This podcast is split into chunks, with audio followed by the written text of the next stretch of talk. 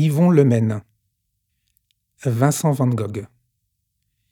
Ils n'ont pas d'âge, pas de forme, pas de pied, pas d'homme qui aurait des bras à serrer dans les bras, mais ils ont yeux qui nous regardent dans les yeux, les souliers de Van Gogh.